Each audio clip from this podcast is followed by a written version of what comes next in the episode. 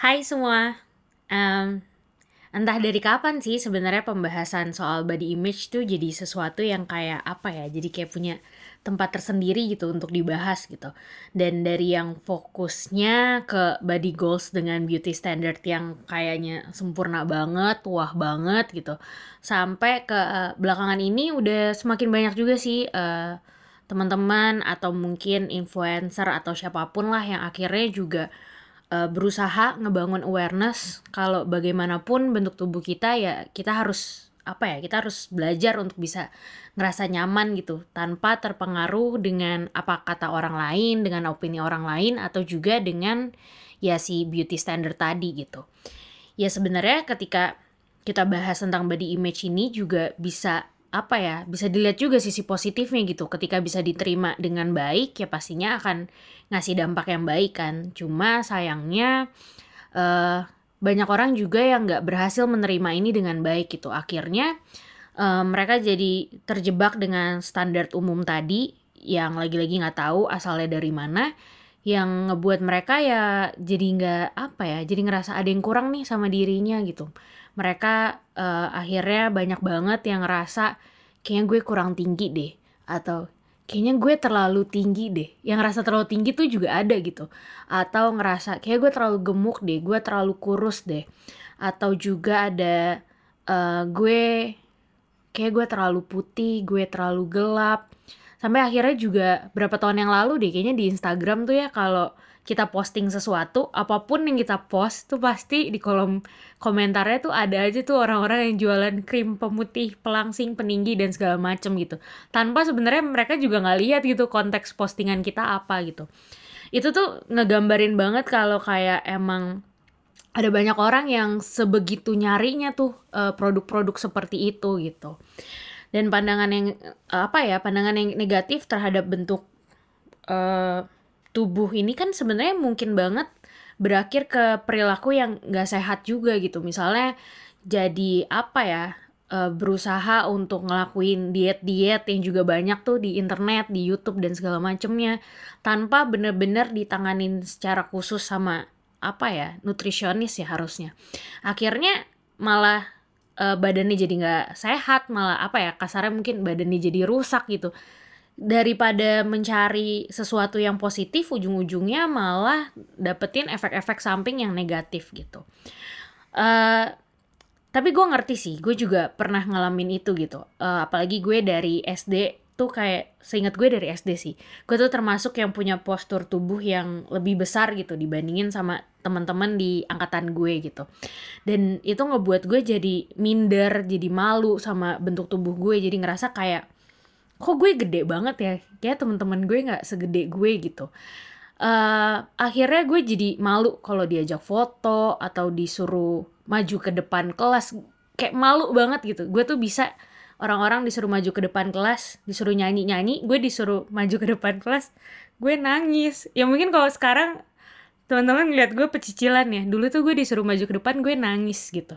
Gue segitu nggak apa ya gue segitu malunya untuk ada di depan orang-orang lain gitu nah akibatnya juga dari itu gue jadi sotoy gitu gue nyobain yang tadi gue bilang berbagai jenis diet-diet yang beredar di internet, di media, di sosial media gitu gue coba-cobain gitu. Pernah ada satu pengalaman nih, gue sotoy banget waktu itu kayak sempet ada tren apa sih diet apa ya yang ngurangin garam banget gitu. Nah karena gue juga anaknya nggak terlalu suka garam, gue bukan ngurangin, gue bener-bener ilangin itu garam dari semua makanan gue. Akibatnya di hari keempat, ya gue inget banget sih, di hari keempat gue nyerah karena uh, itu tuh rasanya makan, gue inget gue makan ayam nih, itu aja rasanya gue mau nangis gitu, kayak ini ada makanan nih gue bukan orang yang kelaparan gitu. Tapi gue tidak bisa menikmati itu sama sekali. Mulut gue pahit rasanya ya udah pengen muntah aja gitu. Ya puji puji Tuhannya masih sadar akhirnya gue memutuskan wah ini kayak udah nggak baik nih. Kalaupun saat itu gue terusin gue rasa efek sampingnya pasti bukan sesuatu yang gue harapkan gitu. Pasti udah ke mana-mana lah sesuatu yang nggak baik buat tubuh gue gitu.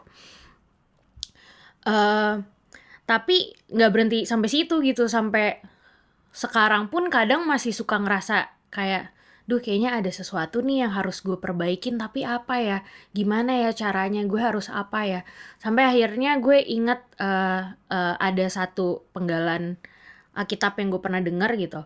Di khotbah yang gue denger itu dia bilang kalau yang Tuhan peduliin tuh bukan betapa gendut atau kurusnya gue, tinggi pendeknya gue, warna kulit gue apa, ya toh warna kulit juga Tuhan yang nyiptain gitu. Uh, kalau gue boleh bacain dikit, penggalan Alkitabnya tuh kayak gini. Uh, ayatnya, perhiasanmu janganlah secara lahiriah, yaitu dengan mengepang-ngepang rambut, memakai perhiasan emas atau dengan mengenakan pakaian-pakaian yang indah-indah. Tetapi perhiasanmu ialah manusia batiniah yang tersembunyi dengan perhiasan yang tidak binasa yang berasal dari roh yang lemah lembut dan tentram yang sangat berharga di mata Allah gitu.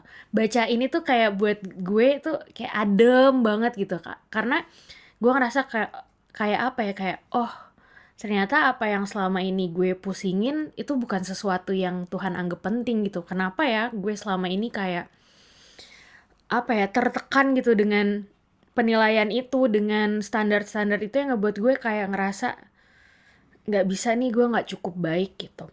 Nah tapi ketika gue akhirnya ingat lagi ke ayat itu, ingat lagi ke sebenarnya apa sih yang Tuhan mau, apa yang Tuhan pandang dari gue itu kayak menyejukkan hati gue yang selama ini kayaknya uh greget banget gitu susah banget.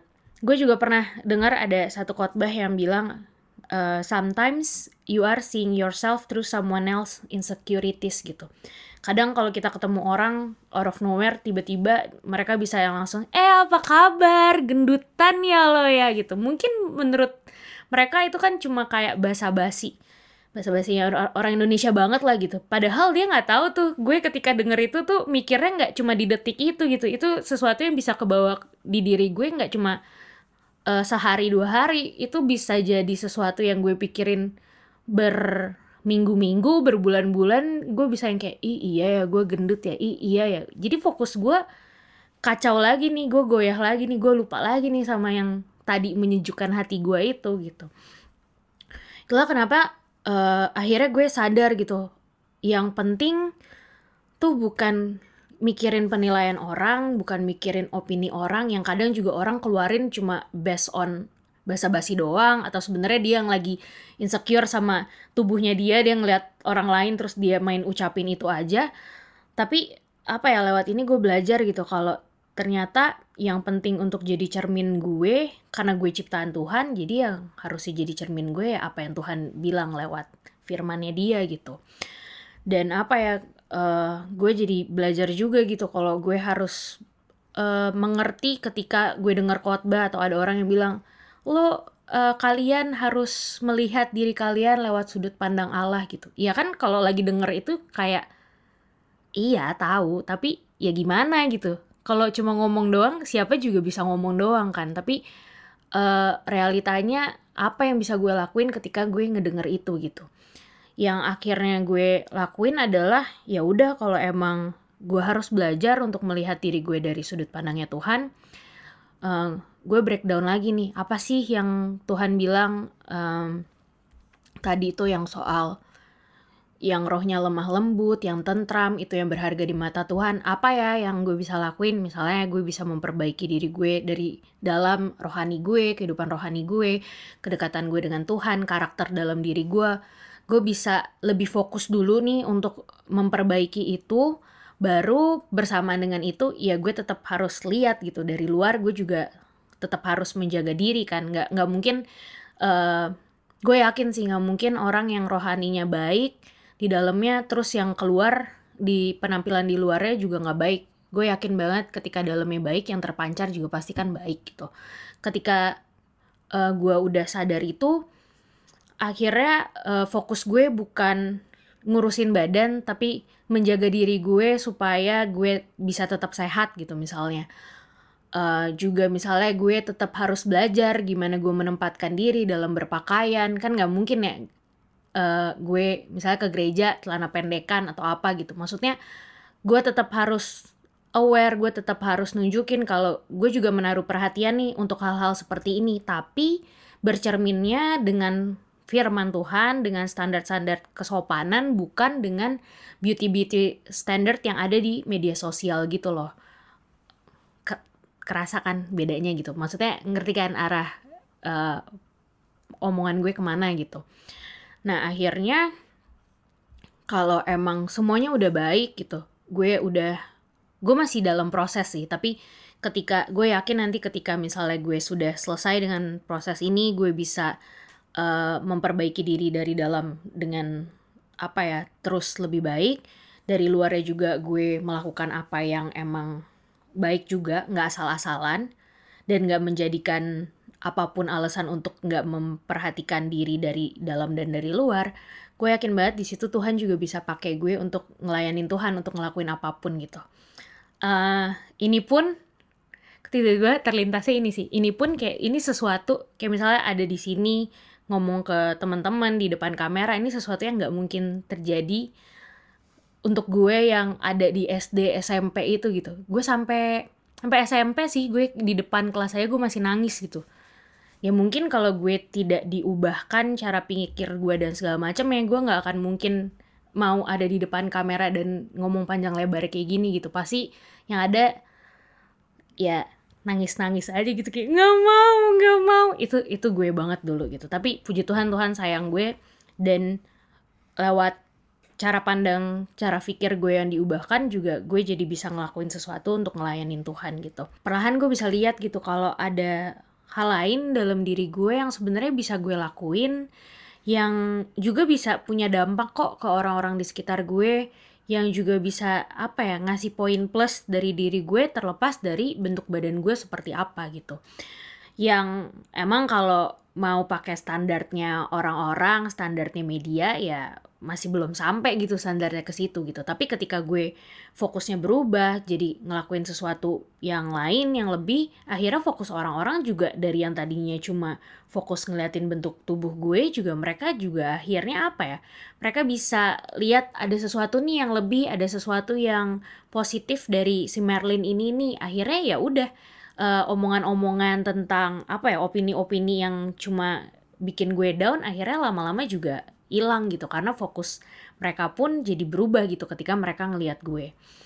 Uh, prosesnya emang nggak apa ya bisa dibilang nggak cepat gitu. Ada waktu yang cukup panjang untuk sampai akhirnya gue bisa sampai ada di titik ini gitu.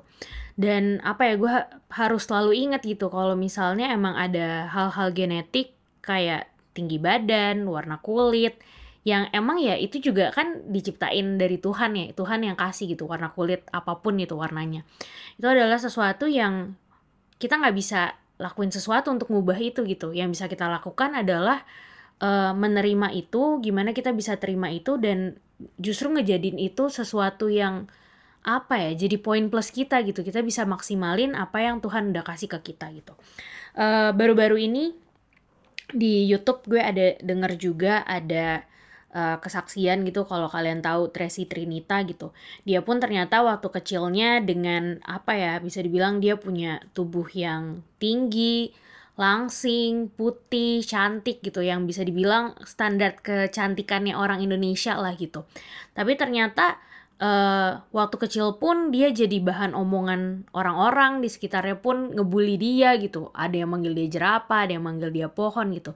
Jadi untuk orang yang bisa dibilang punya standar kecantikannya orang Indonesia pun tetap aja ada orang-orang yang uh, mencemooh yang uh, pokoknya ngelihatnya mandangnya negatif aja malah ngebully dia gitu dan apa ya kita nggak bisa kontrol orang lain tentang apa yang keluar dari mulut mereka kan. Tapi yang bisa dilakukan adalah nggak um, ngejadiin omongan orang orang itu patokan gitu. Dan itu juga yang akhirnya dipelajari jadi prosesnya si Tracy itu sampai akhirnya dia justru bisa jadi supermodel pertama dari Indonesia kalau gue nggak salah yang akhirnya bisa ke Amerika dan dia bisa ngebuktiin gitu ada poin plus dari diri dia yang bisa dia lakuin. Dan sampai sekarang pun lewat proses yang panjang itu yang mungkin juga tidak menyenangkan sebenarnya uh, saat ini kita bisa lihat kalau dia justru Tuhan pakai dengan luar biasa dia di mana-mana dia bisa menceritakan kebaikan Tuhan gitu. Ya intinya Tuhan bisa pakai siapa aja lah dengan bentuk tubuh yang seperti apa pun gitu. Dengan segala, mungkin bisa dibilang dengan segala kekurangan, keterbatasan yang mungkin dipandang sebelah mata sama orang-orang lain di dunia ini. Tapi uh, Tuhan tetap bisa pakai orang itu kalau orang itu emang mau gitu untuk Tuhan pakai. Dan satu lagi terakhir dari gue, mungkin ini uh, terdengar klise tapi percaya deh, ini tuh beneran gitu. Uh, setiap orang itu cantik, setiap orang itu ganteng, yang diperlukan adalah mata yang tepat untuk memandangnya aja. Udah sih itu aja dari gue, sampai ketemu di obrolan-obrolan berikutnya.